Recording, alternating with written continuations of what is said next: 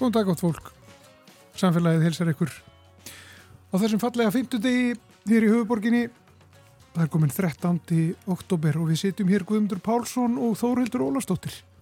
Já, og ímislegt á daskara hjá okkur. Við ætlum að fjalla um byldur. Það er nefnilega fullt tilefni til að óttast þær. Það að detta á meða sig. Fólk verður líklega til að detta ítla eftir því sem það eldist og afleiðingarnar geta verið hrikalegar, verulega skert lífskeiði, brot sem leiða fólk jafnvel til dauða. En þó byldur ógni hilsufæri okkar álíka og krabbaminn og hjartasjúkdómar veit fæst fólk og kannski sérstaklega ekki þau sem yngre eru af þeim. Það er hægt að vinna gegn byltum, þjálfun og uppbygging er nöðsynleg. Fólk til sveita er til dæmis margt flest betur undir þau búið en þau sem er á malbygginu. Við erum það hér og eftir við ætlum að ræða við tvo doktora sem hafa sérhæft sig í byltum og byltu vörnum. Og í dag er alþjóðlegur sjónverdardagur og síðar vikunni á laugardag er dagur kvítastafsins. Og þessir viðbyrður gefa tilumni til að velta fyrir sér aðgengi blindra og sjónskertra í víðu samhengi í okkar samfélagi, tækifærum og stöðunni eins og maður segir. Sigþór Hallfræðsson er formaður blindrafélagsins, við tölum við hann á eftir. Ungverðspistillin er svo sínum stað eins og alltaf á 50 dögum og það er að þessu sinni finnur Ríkard Andrason, loftlagsfulltrú ungra ungverði sinna sem eh, flytur hann. En við byrjum á bildum.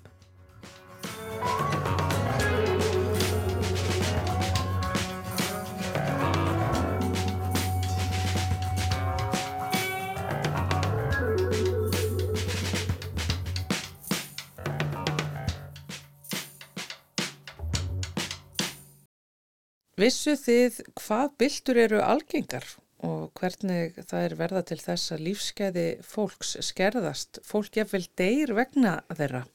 Vissu þið hverslags álag er á heilbriðiskerfinu vegna byltna?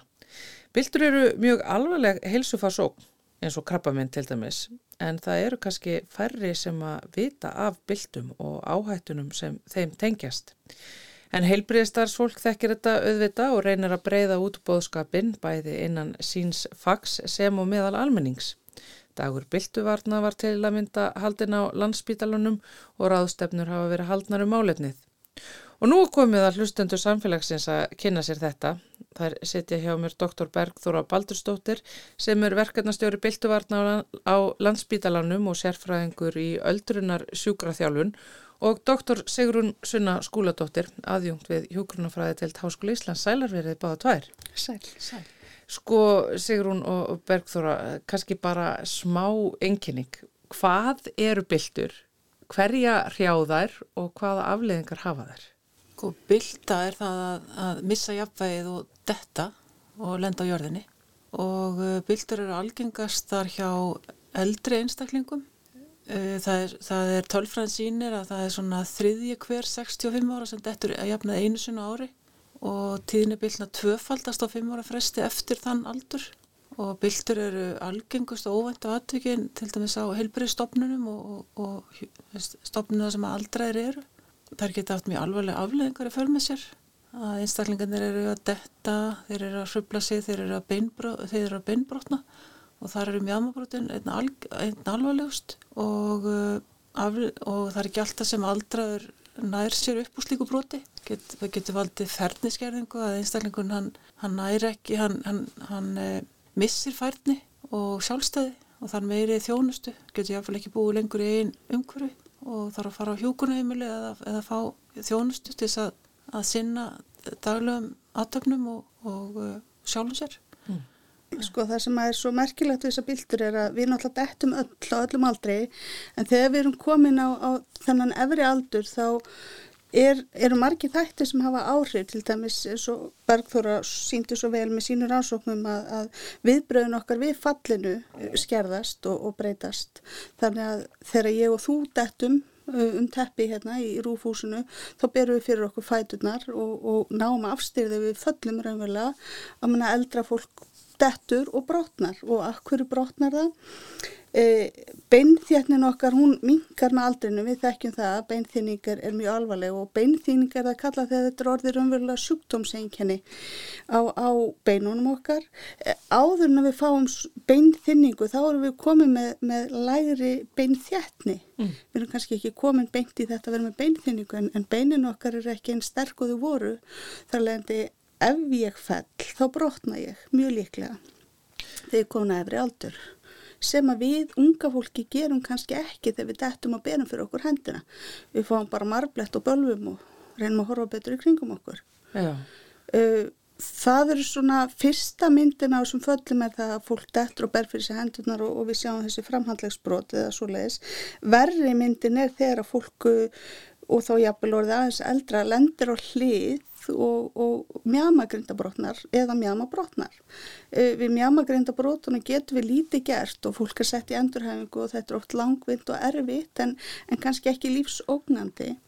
En, en við mjamabrótunum sem slíkum þegar brotnar mjama lærlegs háls eða, eða lærlegurinn ofalega nálagt mjamagrindinni þá þarf fólk að fara í aðgerð og það er oft eins og Bergþrór kom svo vel inn á, á þann að hérna, þetta er oft svona þúan sem veldir hlassinu. Mm. uh, því að dánatíðni eftir mjamabrót á Íslandi hefur verið síndram á að vera 36% hjá köllum innan ásfrábróti og 21% hjá konum. Og þetta er ekki eitthvað sem fólk er kannski alltaf átt að segja á. Að því grunninn er við eh, heilbíðiskerfu okkar er frekar gott að laga brót yeah þú veist, við förum inn og fáum gifs eða við förum inn og, og þurfum að fara í aðgerð og fáum spengingu eða plutur og skrúfur eða, eða hálið eða hvað sem við fáum og við erum vönd því að hugsa þetta frá því að að þú fer bara í aðgerð Já. og svo bara jafnar þig og, og það bara mun ganga mjög vel. En mjöðmabrót er nefnilega ekki bara eins og hvaða beinbrót sem er. Nei og, og í raun og veru sko öll brotur um mjög sásöka full og erfið fyrir þann sem verði fyrir því og veldur honum eins og Bergþór kom inn á verulegri færniskerðingu. Og, og það er kannski líka það sem við sjáum að, að stór hluti þeirra sem þó lifa þeir eru ekki að komast í það form sem voru í áður. Í merkingunni byggu sjálfur heima og gáttu bjarga sér þokkalega með aðstóðjafel þetta eru fólk sem þarf þá hjókunar heimili Sko að því að Bergþóra komið mitt inn á þetta hvað þetta er rosalega algengt og, og hvað þetta veldur mikill færniskerðingu og einmitt eins og þú kemur inn á sér um svona varðandi sko hvað mjöðmabrótin geta náttúrulega leitt le, le, til dauða. Er þá, en byldur er ekkert skráðar sem dánar orsök, veist, þó að þau geti hins vegar verið kannski undirleikjandi vandamáli eða eitthvað sem hefur gerst áður sem hefur svona leitt að döda Ég áttum ekki alveg á því. Já, til dæmis eins og landsbytalan og það er, erum við aðtöka skráningakerfið þannig að sjúklingar sem detta með þeirri liggjan á sjúkrásinu það er skráð í kerfið og það er farið vel yfir hverju eru afleggingarnar af byltunni Já. og ef afleggingin er, það er alvarlegast af, afleggingin ef að byltan leiðir til dauða. Og það getur það. þá gert það bara veist, á löngutíma og stutnintíma? Já, það getur gert það. Ég ætla aðeins að fá að snúi þessu við. Ekki allt hver veldur lúnabólgu. Ekki allir sem fá lúnabólgu degja. Já, um mitt, maður hugsaður þetta. Já. Mér langar bara aðeins að staldra við og, og, og orða eitt sem að ég held kannski að sömur hlustendur finnir fyrir. Að ég eh, vissi til dæmis ekki að byldur væru svona alveglegt mál og er það einhver svona forréttinda blinda þess að vera eh, bara um og í kringu færtugt og maður einhvern veginn hugsa eiginlega bara ekki til þessa. Ég hugsa að sé, já, þú kemur inn á það þóldur að, að þú ert hérna yngri einstaklingur. Þú ert ekki búin að ná þessum aldri að þegar við erum yngri þá erum við, við búum bara yfir góður líkanlega færni í og eins og hérna jafnvægstjórnun okkar er mjög góð þegar við erum hérna krakkar, við erum, við erum að fara handalöp og kottnis og söfla okkur í rólum og, og snú okkur ringi eins og ekkert sé og, og jafnvæg er eitthvað tætnari og hnjótum en, en við dettum ekki því við hérna, erum svo góð jafnvægsvipröð en e, svo er það þannig að, að e, þegar við eldumst þá verða aldursendar hörnunabreitingar í öllum kerfum sem koma að stjórnun jafnvægsins og uh, til dæmis í jafnvægiskerfi innræðira sem er mjög mikilvægt kerfi í stjórnu jafnvægisins þar byrja þessar breytingar að koma fram millir 40 og 50 og þær komur á svo rólega. Þar mm. læðast bara að okkur og við vitum ekkit það er ekkit svo sem áhrif á jafnvægisstjórnuna svona í daglegu lífi svona hverstaslega ratafnir en svo kannski einn daginn byrjum við að finna fyrir óöryggi þegar við förum í aðstæður sem eru meira krefjandi fyrir jafnvægistjórnum heldur við svona dagstaglega erum í. Við förum kannski í gönguferð út í náttúrinni við erum að fara upp fjálsbrekku það sem er möl e, það, er, það er ling, það er hraun og, og við svona, og jáfnveg þurfum að fara yfir árfarfi og það er mjó spýta sem þurfum að fóta okkur yfir. Allt inn verður óörygg sem við höfum ekki verið, við höfum kannski farið þessi leið sömurinu fyrir eða tveimrana fyrir allt hennu finnum við fyrir óryggi og þá fyrir við í byttunum við það er eitthvað, ég held eins og óryggi er þetta kannski fara á þetta aðtöðu hjá mig jafnvæð og þannig skiptum við miklu máli þess að varandi jafnvæðstjórnuna að við gerum, að við hreyfum okkur og við stundum jafnvæðsæfingar til þess að, að við halda jafnvæðinu og það er, það er það er mjög mikilvægt að æfa jafnvægi sérstaklega þegar aldurum færist yfir. Já. en ekki hvað stýst bara gegnum æfina að æfa jafnvægi sérstaklega ekki bara að æfa vöðvastyrk og úttalt heldur að æfa jafnvægi sérstaklega. En þú kemur einmitt inn á þarna þetta sem að fólk finnum fyrir en hann óta og kvíða óta þeirra sem eldri eru þegar veturinn gengur í gard og það er hálka og, og þetta endalus að tala um að það verður einhver að fara út í búð og ég get ekki lappað og það er ekki mókað og það, mm. veistu, hérna, hvað eru mannbrotarnir en það er þá vantilega bara út af þessu, að þau vita að finna fyrir óörygginu og já. finna að þau er ekki lengur með hérna lí, líkásauðbræði sem að til þarf og náttúrulega vita ef þetta er brotna þá er það bara ávísun á vesen. Já og líka bara það að, að sko það er einnig fylgjikvöldum bylnana, ef, ef einstaklega dettur þá verður hann hrættur um að detta aftur Já. og það að vera hrættur við að detta þá getur að heft, þig, heft líkamlega reyfingu fólk fyrir að hafa hægur um sig að reyfi sem ykkur minna því það vill ekki detta aftur Já, þá hefur það náttúrulega áhrif minna, þá Já. örvar það ekki þau líkanskerri sem skiptir málu örfa til þess að við halda jafnvægistjórnunni og þá verður hægt og bítandi bara dalrún og verður verður verri þannig að þetta verður svona vítarhingur En það sem er líka svo merkilegt og við gleymum stundum að hugsa í mannlegu eðli þá er það svolítið þannig að þetta er eitthvað sem við skömmumst okkar fyrir og við konumst öll við það ef við dettum einhver starf og unga aldrei þegar við erum múlingar að það fyrsta sem maður gerir var ekki að spája hvort maður hefði meitt sig eða eitthvað gerst, það var hver sá þetta? Og við horfum allt í kringum okkur bara var einhver hérna, neða var engin á bílaplænu gott ég, ég slapp, þú veist og það er alveg eins og, og kannski magnast þessi ótti þegar þú eldist vegna þess að hvað þýðir það að detta? Það þýðir að þú hefur ekki tök á, á að ganga um með, þú hefur ekki tök á, þú ræður ekki við verkefnið að lappa út í búð. Já. Og hvað gerist þegar við erum öldruð og ráðum ekki við verkefnin okkar? Jú, það sem gerist er að það kemur einhver, hvað góðhjarta barnabat sem stingur upp á við fyrir mjög hjókunarheimili og það er ekki eitthvað sem fólk vil fara á. Nei. Fólk býr kannski heima og það er að detta og eins og segir það átt að segja á því að þetta er alvarlegt. Og það átt að segja líka á því að þetta er spurning sem er oft spurð þegar kemur inn í heilbríðskerfi hefur verið að detta oft undafarið þannig að þau vita að þetta er spurningi sem ég ætla ekki að svara já ef ég ætla að útskrifast heima aftur Þetta er einmitt það sem að þú hefur skoðað sigur og svona, það er uh, þetta með sjálfstæði búsetu og, og, og byldur og einmitt þessi svona dýnamík sem að myndast þarna. Já og, og þetta er svo mikið vægt að, að hérna við tökum inn eh, þegar fólk leitar aðstofar, skilur og sem dettur og segjum að brjóti á sér framhandlegin að því að það bara fyrir sig og er orðið fullorðið. Uh mhm. Eigum við að vænta þess að við komum til að segja okkur að hann hafi alverðinu dottið 16 sinnum á þessu ári? Eða eigum við að vænta þess að hann hafi ekki alveg sagt okkur það? Því að hann veit að ef hann segir 16 sinnum þá hljómar það mjög illa. Og, og, og líka því að þetta er ekki umræðinni, við tökum þetta ekki að þetta er svo lítið í umræðinni þjóðfélaginu sem þú sagður á þann að, að hvort það væri forréttindi að vita lítið um þetta. Kannski er það það að við bergþóra erum ekki nóg hávarar í samfélaginu. Kanski þurfum við að verða hávarar, við þurfum kannski að fræða betur yngra fólkið og að opna umræðun um það að, að það er hægt að æfa jafnvægið. Við getum gert eitthvað, það er hægt að vinna eitthvað með þetta. Þetta er ekki endilega dómur á það að þú sérst að fara meðan að brotna í fymtafalli og þar að leiðandi sé þetta bara búið og það er þitt sér svið Bergþóra, öldrunar sjúkraþjálfun að æfa upp uh, jafnvægið og, og bara vinna í þessum vöðvum og þessari tækni sem við heldur þið er á fótunum, mm -hmm. ekki satt. Ég meina, hva, hvað ert að gera til dæmis við þína sjúklinga? Ert að láta þau standa á öðrufæti eða?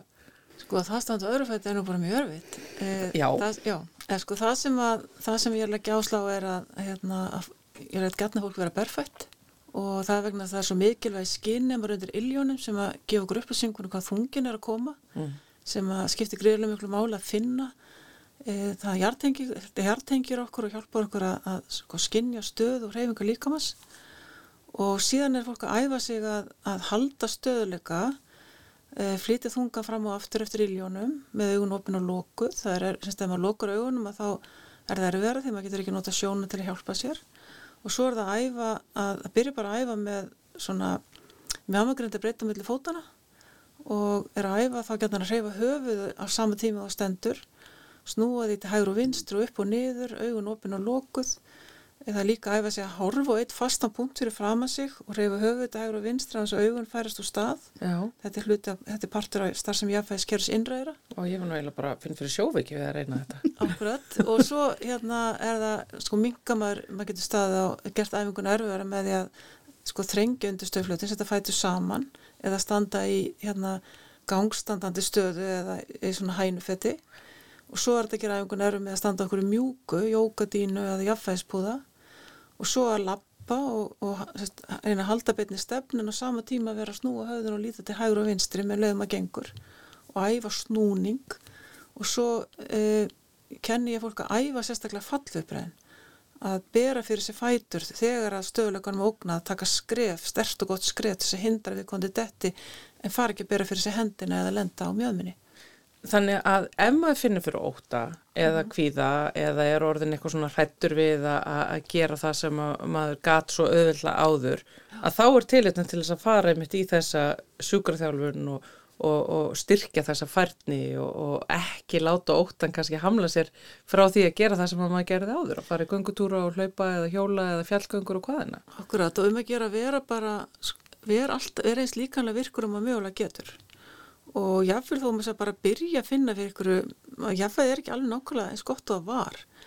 Ekkert að hérna sætta sig bara við það, heldur þá strax að fara, spanta sér tíma sjúkálara, beðanum að meta jáfnveil hjá sér, fá ráðleikandi æfingar og maður þarf ekki endilega verið að mæti svo marga tíma heldur bara að fá góður æfingar sem maður getur stunda sjálfur heima og út í náttúrunni. Skiptir rosalega miklu máli, þetta er svo mikilvæg forvörn þess að við þalda jafnvægistjórnuna hindra að fara þetta Má ég spyrja einu að því að ég veit að hlustendur okkur eru margir hverjir uh, úr dreifbíli mm -hmm. er fólk úr dreifbíli sem er van, vandi að ganga í þýfðu landslægi og uh, uh, jáfnveil svona grítu undirlendi með betra jafnvægi Eh, og minna líklega til þess að, að lenda í byltum og þau sem eru alltaf bara að ganga um skrifstofugólf og, og malbygg. Já, það er þannig. Það er þannig? Já, og það er indislegt að hitta hérna, sveita fólk sem hefur verið líkanlega virt að elda sína rollur eða búfjarnað og upp um holtur og hæðir, brekkur og þúfur og, og hérna, alls konar landslag og mikið út að reyfa sig að það er dásanlega að sjá hvað jáfnvægstjórnun er, er góð hjá þessum einstaklingum að það er búið að ná mjög háumaldri. Þannig að þetta er ekki endilega það að, að sko það að vera, vera sjöt, sjötugur einstaklingur sem að lifi kyrsetulífi, hann getur verið miklu verri jáfnvægstjórnun heldur en jáfnveil nýraður einstaklingur sem hefur búin að vera líkanlega virkur all, allir sína æfi og við svona mjög krefjandi aðstöð fyrir jáfnvægstjórnununa út mm. dagstælega. En gengur eitthvað að, að, að senda fólk út það er ekki vandi þetta er svo til dæmis fólk sem að veist, þú ert að tala við, segur hún, sem að vil halda sinni sjálfstæði búsetu mm. er það til í að leggja eitthvað á sig til þess að viðhalda henni? Já, já, fólk, fólk vil leggja mikið á sig til að viðhalda sjálfstæði og það vilja allir vera sjálfberga það er alveg staðrind og, og yfirleitt er það þannig að, að ef ekki aðri sjúkdómar er að koma inn í og hafa áhrif þá, þá vil fólk gera allt sem það getur til þess að viðhalda einn heilbriði en, en stundum erum við svolítið að flækja þetta fyrir okkur og, og bara svona atbyrður eins og að lappa út í búð og halda á póka heim úr búðinni, mm -hmm. hann er beinrækt það er að segja þú ert að styrkja beinin þín vegna þess að þú ert með það sem að Bergþóra kallar þungaberandi æfingu að því að þú heldur og þyngd umfram það sem þú ert sjálfur og þú ert að ganga og við þurfum kannski að hitta þennan forréttundahóp sem þú talaður um áðan vegna þess að það er þar sem við getum komið inn með yngripp til að styrkja beinin. Því að þetta virkar þannig eins og ég talaði um áðan að ekki allir brotna sem falla. Eh, ef að beinin okkar eru tilturlega vel sterk á yngri árum þá höfum við meiri forða til að taka af þegar að beinin okkar fara að gísna Já. þannig að kannski er, sko, við erum náttúrulega, ég er alveg uppið við auglýsinguna tökla sem mjölk og dag já, já. Eh, kannski þurfum við að fara í fleiri herrferðir vegna þess að nú eru til alls konar tegundra mjölk og kannski þurftum við að koma frekar inn með þetta að það þurfi þennan skamt af kalki á dag og það þurfi þennan skamt af D-vitamini og það er svolítið merkilegt að nú búið að rannsaka heil mikið D-vitaminstöðu í Íslendinga en samt sem áður er við alltaf að, að eiga við það að fólk sé allt og látt í D-vitamini vegna þess að alveg, eh, ég veit ekki hvar, hvar sá þröskuldur er en af einhverjum ástæðum þá virðist Íslandikar ekki trúaði að þau þurfa að taka D-vitamin alla daga ásins og sko ég er búin að vera hérna í 47 ár á Íslandi og það hafa aldrei komið 15 góðir sólríkir dagar þar sem að hefur verið 7-8 tíma sólskinn samfleytt og ég hef geta verið út í því létt klætt þannig að þú veist ok, við erum alls ekki að fátur umhverjum okkar og, og við þurfum að þess að hugsa þetta, ég meina eldri kynslaumun eftir því að lýsi var gefið í skólum systematíst uh, en, en í dag er það ekki lengur. Mm. og við þurfum svolítið að hugsa hvernig ætlum við að koma bæði fræðslunni innu um mikilvægi þess að, að fólk sé að fá nægilegt magna kalki og dívitamini og líka hvernig ætlum við að koma inn þekkingunum um það hvernig þú byggir sterk bein, það er ekki nóg bara að taka Eh, kalk og divitamin, það þarf líka eins og ég segja að vera með þungaberandi æfingar. Og hvað ætlum við að koma inn þessari þekkingu að það er mikilvægt að þjálfa jafnvægi, það er ekki bara mikilvægt að þjálfa vöða. Bara það, við vitum núna hvað byltur eru, hvaða byltuvarnir eru hægt að grýpa til og uh, svo þessi hægt að ymmita sinna þessu í jafnvægis þjálfuninu og þessu fallega orði beinrækt sem er eitthvað sem ég held að við verum bara að skilja hlustendur eftir með í byli. Við tökum þetta aftur upp í samfélaginu við gott tækifæri það er greinilega nógu af taka og nóg til að spjalla um og eh, eins og þið komið inn æná þarf að gera meira á því að því að fólk er ekki nógu meðvitað um einmitt bylturnar eh, og afleggingar þeirra. Ég þakka ykkur þó bara fyrir í byli. Dr. Bergþóra Baldurstóttir, verkefnastjóri Bilduvarna á landsbítalunum og sérfræðingur í öldrunarsjúkra þjálfun og Dr. Sigrun Sunna skóladóttir aðjónt við hjógrunafræði deilt háskólas. Takk fyrir. Takk fyrir.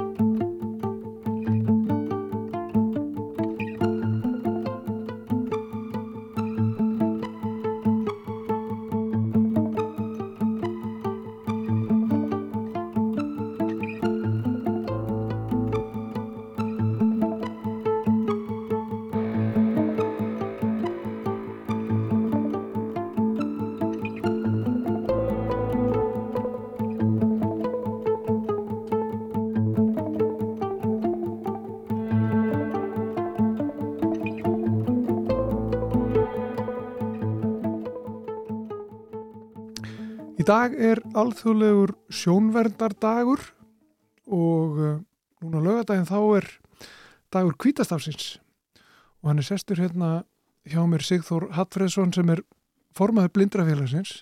Verður velkominn til okkar. Takk fyrir. Um, á þessum degi þá byrjuðu þið daginn á því að, að, ræða málinn svolítið og fara yfir stöðumála ykkar megin í blindrafélaginu það sem þið gerðu líka var þið hefðu gert uh, þjónustukönnun uh, hjá með, meðan notenda þjónustu blindarfélagsins og, og sjónstöðarnar og kannski fleiri? Já, inn í þessu var líka hljóðbókasatnið hljóðbókasatnið Íslands. Já, og hvernig, hvað einhvern fáið þið nú fyrir, fyrir ykkar þjónustu? Hvað segja, segja notendur þjónustunar? He, heilt yfir eru, eru notendur ánæðir með e, það sem þeir eru að fá. Eh, allar báðar þessar stofnanir og félagið er að skora hátt í, í ánægu eh, meðal notenda og það er heldur ekki skríti því að fyrir marga er þetta svona alltaf því lífsnausinlega þjónusta. Þetta er, þetta er það sem gera því að kleifta njóta lífsins, eh, taka þátt í, í líf og starfi, eh, fá hæfingu, endurhæfingu. Þannig um, þetta er svona, segja, þetta gegnir svo miklu líki hlutverki í okkar lífi að, að þá er líka þeim um meira gott að fá svona vittningum það að allavega það sem við erum að gera er fólk mjög ánægt með en það þýðir hins vegar ekki það sé ekki hægt að gera meira mm -hmm. og sé ekki ykkurir ykkurir hlutir á, segja, á kantinum eða á svona út í sjónarund skulum við segja mm -hmm. breytingar í farvatninu sem að þarf samt sem áður að horfa til og, og tækla Já, ef við förum bara yfir þá þjónustu sem er veitt? Já, við, e, e, eins og þessi skísla hún náði til þessara þryggja aðla og, og afmarkaðist við það. Við, við þurftum að afmarka svolítið verkefnið, við gáttum ekki tekið inn í félagstjónustunum sem eru þetta líka mjög mikilvæg. Hljóðbókarsafnið hérna uppálega blindrabókarsafn Íslands og var stopnað innan innan við banda blindrafélagsins. Og skaffæri raunveru leshömluðu fólki aðgangað bókakosti. Uh, það þarf, að, þarf og má ebla það samt mjög mikið. Núna er það, eru þau að ná að uh, hljóðrita og, og, og, og kaupa reynda líka tilbúna bækur, um það byrj kannski 20-30% af því sem er gefið út á áspasis það eru, það eru þarna uh, flokkar, bókaflokkar sem að verða svolítið út undan tímari, dárbækur í uh, svona fræði uh, fræðiritt líka En svo reyndar gegnir hljóðbókarsafnið líka mjög mikilvæg hlutverki í að skaffa nefnendum uh, námsbækur. Þannig að það, það einskorðast ekki engungu við semst svona, hefur kallað þetta hefðbundanbækur.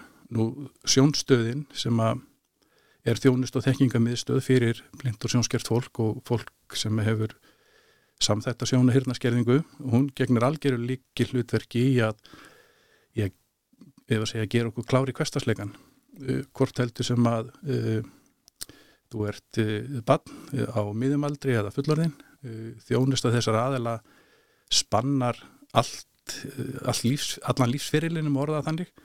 Þannig eru til dæmis félagsmenn hjá okkar á aldrinum aldurspillið innan okkar aða er yfir 100 ár þannig að, að hópurinn er mjög fjölbreyttur og sjónstöðin er í raun og veru svo stofnum sem að uh, skaffar okkur bæði hæfingu og endurhæfingu uh, í atvinnundaglis lífs, í að nota okkur nýjus tækni, skaffar ákveðin búnað sem til þar til þess að maður geti lifa sínu sjálfstæða lífi. Þannig að heilt yfir að þá þá er þessast tvær stofnarnir mjög, gegna mjög miklu svona miðlegu líki hlutverki í okkar lífi og, og svo kemur félagið þar til viðbútar. Uh, við við störfum undir einhvernar orðinu stuðningu til sjálfstæðis og okkar starf miðar meirum minn alltaf því að uh, veita jafningastuðning í, í einhverju formi. Það getur verið augljós, það getur líka verið kannski svona undirlíkjandi en þannig er það bæði félagsstarfið og félagslífi hjá okkur. Uh, við erum blindra vinnustofuna sem veitir ákveðnum fjölda fólks aðunutækifæri og þar með þáttöku í, í lífi og starfi. E, þjónustan hjá félaginu sjálfu við e, erum með ákveðna tekniráðgjöf e, við erum með aðgengis ég hvað kalla aðgengis eftirlit og ráðgjöf líka. Og stöndum í ímissi upplýsinga veitu til félagsmanna í gegnum tæki sem kallast vefvarp. Þar uh, það er eiginlega eins konar einföld gátt inn á veraldamefin þar sem að þú getur verið að lesa bæði skilabóð og upplýsingar og fréttir frá félaginu en líka inn á ímsustu vefnmila og, og podcast. Þú getur sóttir hanga hljóðbók þannig að já, þetta, er, þetta er mjög vítt svið. Já Ef, ef, við, ef við veltum að hóðast fyrir okkur bara tækninni og hvernig hún hefur breyst er eitthvað sem að er eitthvað sem að eh, já, vantar upp á þar? Er aðgengi að tækninni er, er, er það nú gott til dæmis? Sko það hefur orðið algjör bilding bara núna á síðustu 14 árum eða svo. E, sjónstöðinni núvarendi mynd var sett á lækinnar árið 2008 og var mjög merkilegur atbyrður því að e, það haustið, það örlega líka haust, þá var þetta að ég best veit eina lögjöfin sem fór í gegnum alltingi sem ekki snýrist að e, fjármálakrísunni. Já.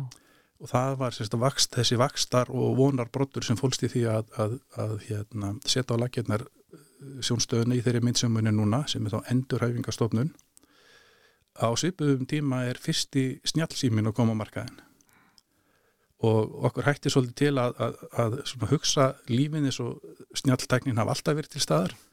En hún er þó ekki eldin en þetta en hún hefur gjör breytt uh, öllu í raun og veru hjá já, bæði sjáandi og, og sjónskertum. Um, það sem að við horfum svolítið upp á núna er að uh, í snjáltækninni þá uh, hefur okkur vantað undanferðin ár örugan talgerfil og uh, það reyndar horfir nú til betri vegar. Við erum svona vongóðum að nú sé það að komast á leiðarendan en, en á meðan að við erum ekki með örugan talgerfil þá er í faktist þessi snjallvæðing utan seilingar blindar og sjónskertra. Því að talgerfilin gerir það fyrir því sem blindan og sjónskerta sem augun gera annars á skjánum. Og, og það er líka bara á þessum teknivettvangi mjög merkilegir atbyrðir að gera slíka því að núna erum við að sjá kannski einhverju marki þetta almenna verða aðgengilegt. Uh, Microsoft hefur til dæmi sett uh, tvær rattir, íslenska rattir inn í uh, sinn hugbúnað bæði til dæmis í tölvupostunum og, og hérna og á, á vafranum. Þar eru tvær íslenska rattir Guðrún og Gunnar sem að fólk getur valið til að lesa fyrir sig það sem stendur á vefsíðinni og, og það er saman að segja með Google. E, síðan eru þetta ónuminn agur það sem hefur verið að gerjast og gerast á vettfangi máltekni áallunarinnar undanferðin ár. E, við höfum svona býna áhugjur af því að, að það er skorið svolítið mikið niður í fjárveitingu til máltekni áallunarinnar við höfum gert að vilja sjá hana halda áfram á, á sama dampi og, og var síðust ár e, það sem er búið að leggja grunn að, e, að í raun og veru svona já, hvernig það var orðað, svona grunn e, elementum sem að síðan aðri geta byggt á og uh, fyrir okkur er þetta auðvitað stórmál en, en ekki síðu bara fyrir alla þjóðina því að þetta er grundulega þess að íslenskan verði gjaldgeng í húnum stafræna heimi. Já, og þetta er náttúrulega reysastort aðgengismál fyrir blind og sjónskerta að, að, að geta nýtt sér þá þjónustu sem að náttúrulega í auknu mæli er að færast til dæmis yfir á, á netið. Já, það er í raun og nánast bara alltaf færast yfir á netið. Um, bara nefnum uh, Stafrand Ísland, við getum nefnt heilsuveru, uh, skatturinn, uh, þú sækjur um nánast allt orðið í gegnum vefinn í, í einhvers konar stafrannu lausnum, þær eru bæði til floknar og einfaldar. Sumtaði í sumum þessum tækjuferum eru líka svona ógnanir fyrir okkur. Einfalt dæmi er eh, ef þú ferði í, í já, bara í, í marga veslanir eða apotek þá áttu að finna standa sem að þú áttu að finna þeirri númur mm -hmm. e, það er ekkert sem vísa er endilega á standin e, hann talar ekki. Hann, þannig þú vistir unver ekki hvað átt að íta til að fá þetta númer og þaðan að síður hvaða númer þú færð þetta er samt sem áður hlutir sem á alveg hæglega verið hægt að leysa teknilega mm. um, svona getum við nefnt í raun og veru mörg dæmi. Pósarnir er að breytast, það er að koma uh, hérna, snerti snerti pósar eða snerti skjára á pósana uh, þar með er hann allt í hennu orðin sko, utan, utan seilingar sem að var áður ekkert mál. Þannig að það er, það er bæði tækifur og oknar, maður þarf einhvern veginn alltaf að vera á vaktinni en, en tækifærn er alveg klárlega og, og þannig getum við bara hort upp á hvernig samfélagið er að breytast í, í, þessum, í, í þessa stafræna átt. Það er náttúrulega aukinn sjálfvirkni bara á, á flestum flestu výstöðum og, og já, til dæmis bara þú fer út í búð og þú afgreðir þig sjálfur. Það, það hefur breyst til dæmis. Já, þa þar til dæmis er líka mjög gott dæmi, sko, er þá, er þá hérna, þessi búnaður aðgengilugur fyrir þá sem að ekki sjá á skjáin mm -hmm. Er hann það? Eh, nei, sjálfnast Ó. Þannig að þannig eru, eru tækifæri til að gera betur Þannig eru alveg klálega tækifæri til að gera betur og, og sko líka í í raun og veru hvernig við nálgumst þessa tækni um, það ef þú ætlar að, byggja þér hús þá fer það í gegnum ákveðin lögformulega feril það eru, það eru, það eru kröfur um, um uh, öll atriði, um, útlit uh, uppbyggingu, infrastruktúrin og svo framvis og svo framvis uh, það eru til jú og, og þú kemst ekki tjá þessu. Ef þú horfið síðan á veraldavefin það eru jú til staðlar um hvernig þú átt að smíða góðan vef eða góða veflaust um, það er ekkert sem að hins vegar skildari til að fara eftir í og við höfum svolítið verið að, að, að býða eftir að löggjöfin löggjafin klári sitt í því að innleiða tilskipanir og, og löggjöf frá Evrópussambandinu sem að hveða á um ákveðnar skildur uh, þeirra sem að veita þjónustu á, á, í gegnum vefin eða, eða upp eins og til dæmis bara ofinbæra stofnanir að tryggja það að áður en þú setur þess að lausni í loftið að þá sé hún aðgengileg öllum og það er þá bæði kakvart skjálesara fyrir þá sem eru blindir og verulega sjónskertir en, en líka bara læsilegt fyrir allan hinhópin uh, sem að er, uh, við getum kallað vægt sjónskertir því að þú, já, það er nú farðinu bara á starfsmannaparti hér í útarpunum og byttið á réttu pönt sem aldrei nota gleru mm -hmm. þeir eru regla ekki mjög margir og þeim fækkar með árónum því mm. því að á einhverju tímupunkti þá verðan og flest allir einhverju margir sjónskertir og fyrir uh, sérstaklega líka eldri hópin uh, þá skiptir ekki síðu máli að í þessum lausnum sé litaskerpa, stærða á letri og, og svo framvegis uh, ekki hamlandi heldur. Ef við veldum að fyrir okkur aðtunumálum, þú myndist á blindarunustofuna sem er, er á ykkar vegum, blindarfélagsins. Hvernig er með almenna aðtunu þáttöku blindra og, og sjónskertra og, og svona aðbúnað og, og umhverfi eh, hjá fyrirtækjum og stofnunum til þess að, að blindur og sjónskerti geti sínt þeim störfum sem að, að þeir vilja kjósa og kunna jafnvel mjög vel. Ég held að það, um, það gæt má alveg orða þannig að það sé ákveðin um, við getum kannski kallað að fordómar eða þekkingalisi á því hvað ég blind og sjónskert og, og bara falla fólk yfir höfuð getur e, og hvað þarf stundu lítið til að riðja úr vegi hindrun fyrir því að, að e, við komandi geti sint sínu starfi. Líkilatri er auðvitað það að horfa á starfsmannin og hans getu og miða síðan verkefnin við það en ekki öfugt. E, ef að, ef að, e, ef að fyrirtæki auglísir eftir starfsmanni og, og hérna setur alltaf inn í auglísinguna við komandi þarf að hafa aukurskýrtinni þó að það kannski komi starfin ekkit við. Mm. þá ertu náttúrulega bara í, svona, í þessu einfalda dæmi búin að útloka alla sem eru ja, blindir og verulega sjónskertir. Eh, með réttri aðlugun og réttri tekni þá eru þetta bara þessu fólki og okkar fólki allir vegi færir. Og það er sem betur fyrir líka vaksandi fjöldi úr okkar anni sem að líkur háskólanámi og, og námsum hverju við er að verða betra og betra og sem að síni sig mitt í þessu að það eru fleiri og fleiri sem að fara í gegnum náma hvaða tægi sem er. En síðan hefur kannski hindrunu þá verið enda meiri þegar að kemur út á minnumarkaðin og, og hérna hvort sem að það er í fullustarfi eða aðlugan eftir, eftir starfsgetu svona yfir höfuð þú sérði ekki ofta auglist eftir hlutastarfi til dæmis. Þannig að það eru það eru ímis eh, mál sem að má leysa Já, það eru fjölmörg mál sem má leysa og þetta er líka bara mjög spennandi þróun sem við erum að horfa upp á varðandi með snjallvæðingunni. E, það er ekki svo íkja landsinni að vera að lesa greinum atvinnu þáttöku blindur og sjónskertra í bandaríkjónum. Þar hafði sko COVID-ið sem helst má nú ekki nefna lengur. Það hafði gríðarlega mikil áhrif á aukna atvinnu þáttöku. Blindur og sjónskertra á reynur bara fallara yfir höfuð. Því að þegar að sko, vinnan færðist heim í auknum mæli og viðkomandi gæt á þess að vera líka sækjumstarf og unnið það heimann við sínar bestu aðstæður. Fyrirtækin stóðu þá ekki frammi fyrir já, við getum kallað þetta tortirkninni eða fordómanum eða þurfa að leggja út einhvers konar um, aðgerðir til þess að aðlaga uh, skrifstóðnar eða starfstöðina að þá, það, það hefur haft gríðilega góð áhrif á atvinni þáttöku þar og þetta er þróun sem myndi náttúrulega gerna vilja sjá hér líka mælanlega mm.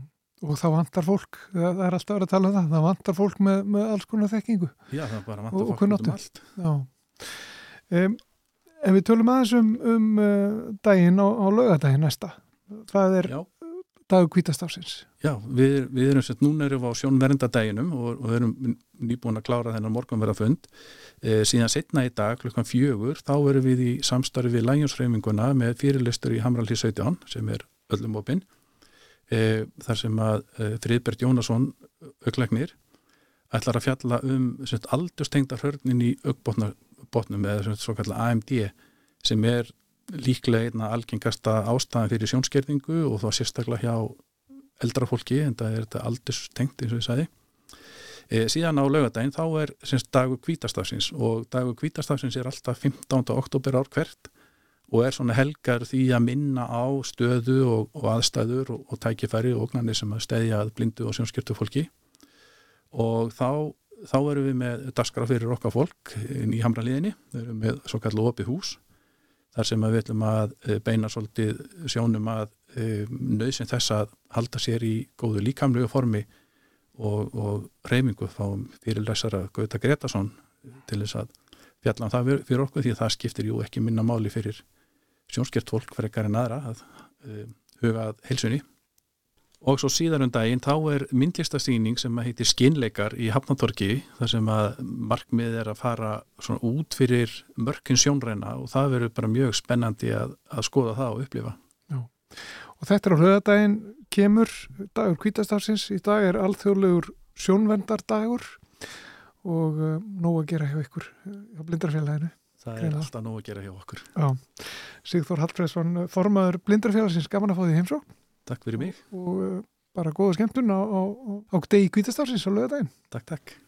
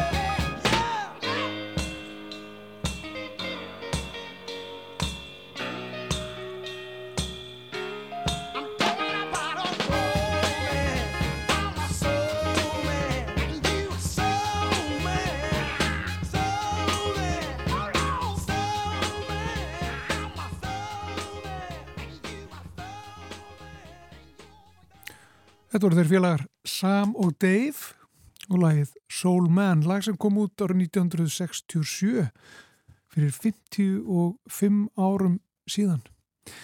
En næst ætlum við að heyra umhverfispistil. Já, það er Finnur Ríkard Andrason sem flytur okkur hann. Umsvið okkar mannfólksins undanfarn áratugi, sérstaklega umsvið þeirra okkar sem búum í yðnvættum ríkjum, hafa skapað neyðarástand í umhverfismálum. Við stöndum frammi fyrir neyðarástandi vegna lofslagsbreytinga, vegna eðileggingar vistkerfa og vegna taps á lífræðilegri fjölbreytni. Neysla, sóun og tilherrindi mengun eru helstu orsakir þessa neyðarástands og eru það bjöguð gildi vestrætna ríkja sem hafa ítt undir þessa þætti. Til að takast á við þessar gríðarstóru áskoranir þurfum við því að endurhugsa grunngildi okkar sem einstaklinga og sem samfélag. Við þurfum að spurja okkur sjálf um tilgang lífsins og forgangsraða því sem okkur þykir raunverulega mikilvægt, því sem okkur þykir raunverulega væntum og takmarka þar með eigðileggingu á nótturunni. Við þurfum að spyrja okkur spurningar líkt og hvað veitir okkur hamingju? Persónulega þá veit ég að það sem veitir mér hamingju er að verja tíma með fjölskyldunum minni, að eiga djúpar samræður með vinnum mínum, að upplifa náttúrufegurð og að leggja vinnu í verkefni sem ég veit að hafa jákvæð áhrif á samfélagið. Ég held að ég tali fyrir okkur flest þegar ég segi að hlutir og peningar séu ekki það sem veiti okkur raunverulega hamingju. Og þegar ég tala um hamingju í þessu samingi, þá ég við lífsgleði sem við upplifum yfir lengri tíma heldur en þá skamtíma ánægu sem við finnum fyrir til dæmis þegar við borðum eitthvað bræðgott.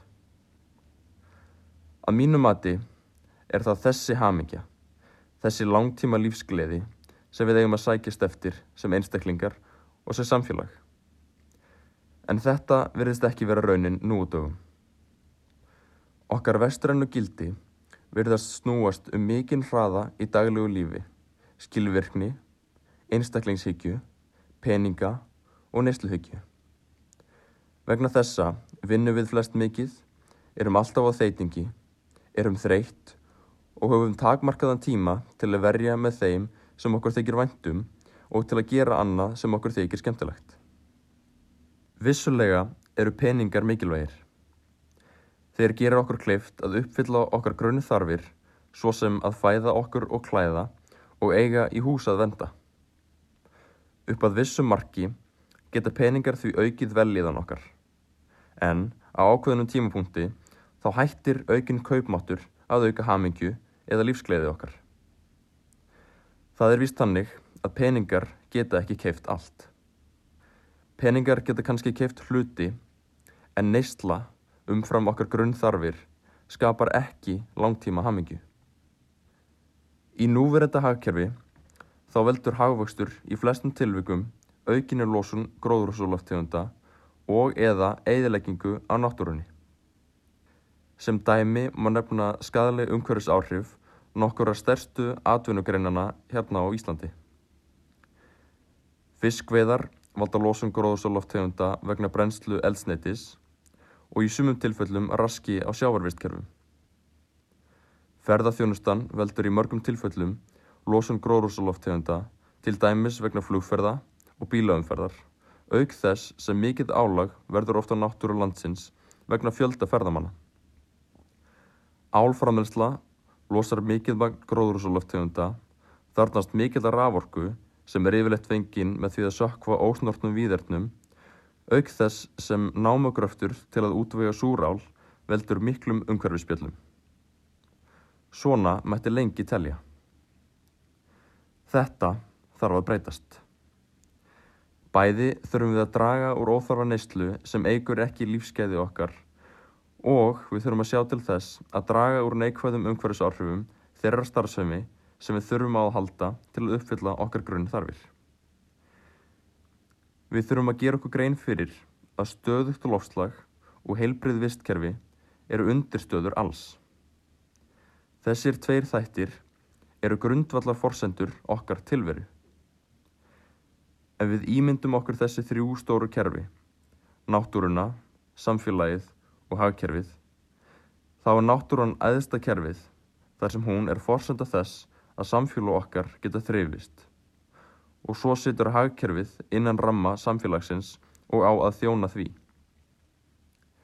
Samfélag okkar og hagkerfið eru því háð mörgum náttúrunar og þurfum við að virða þetta lögmál.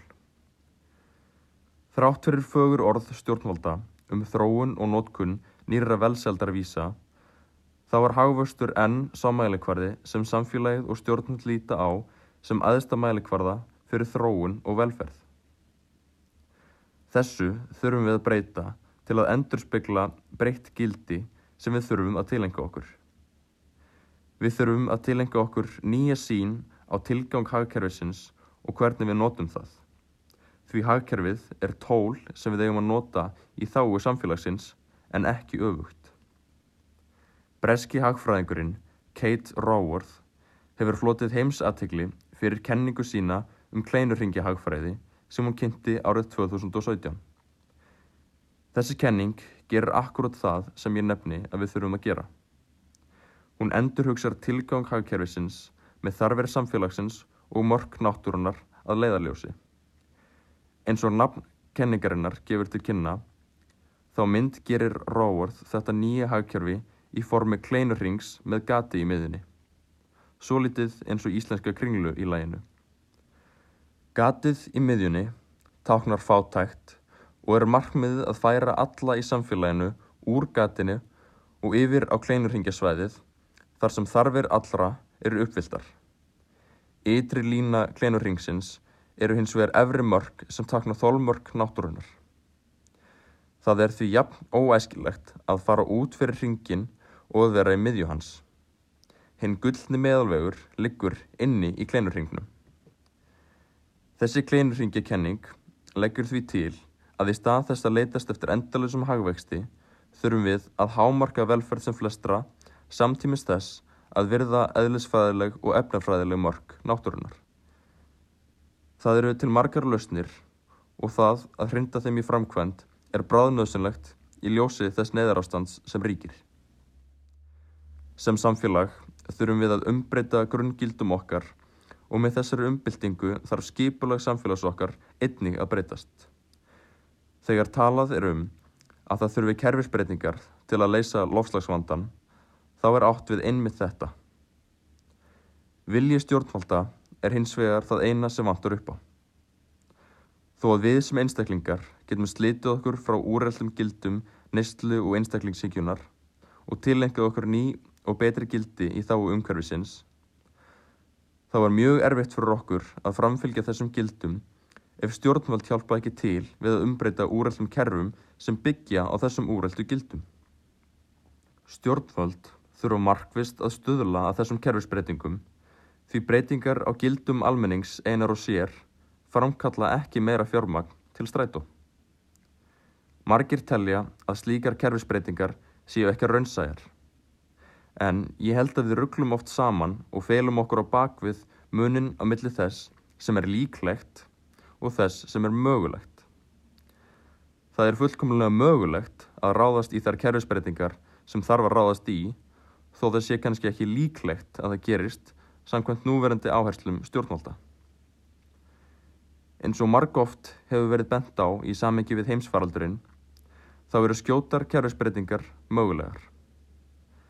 Gangi samfélagsins var gjör breytt með einu pennastriki í þáu heilsu almennings, í þáu samfélagsins og í kjölfarið dróst neysla saman og sömuleiðis dró úr losun gróðursólaftegunda. Núna þurfum við slík pennastrik en í þetta skiptið í þáu lofslagsins, í þáu náttúrunar, í þáu samfélagsins. Ef við hönnum þessar skjótu kerfisbreytingar vel, getum við ekki einungis náð fram umfærsmiklum samdrætti í losun og dreyið úr neikvæðum áhrifu á náttúruna, heldur einni skapað betra samfélag fyrir okkur öll. Til dæmis getum við bætt heilsu fólks og dreyið úr ótímabærum döðsföllum vegna minni loftmengunar og gleymum því ekki að tafarlausar loftslagsaðgerðir eru beinlinis hagkvæmari heldur en að takast á við afleiðingarnar sem skella annars á okkur í náinni framtíð. Kerfisbreytingar eru ekki jafn óhugsandi og við ímyndum okkur. Þórum að gera það sem gera þarf. Saði Finnur Ríkard Andrason í umhverfispisli sínum hér í samfélaginu og slær með honum botnin í þáttinn. En við verum hér á morgunu sjálfsögðu á sama tíma milli klukkan 1 og 2 Guðmundur og Þórildur. Heyrust á. Verðið sæl.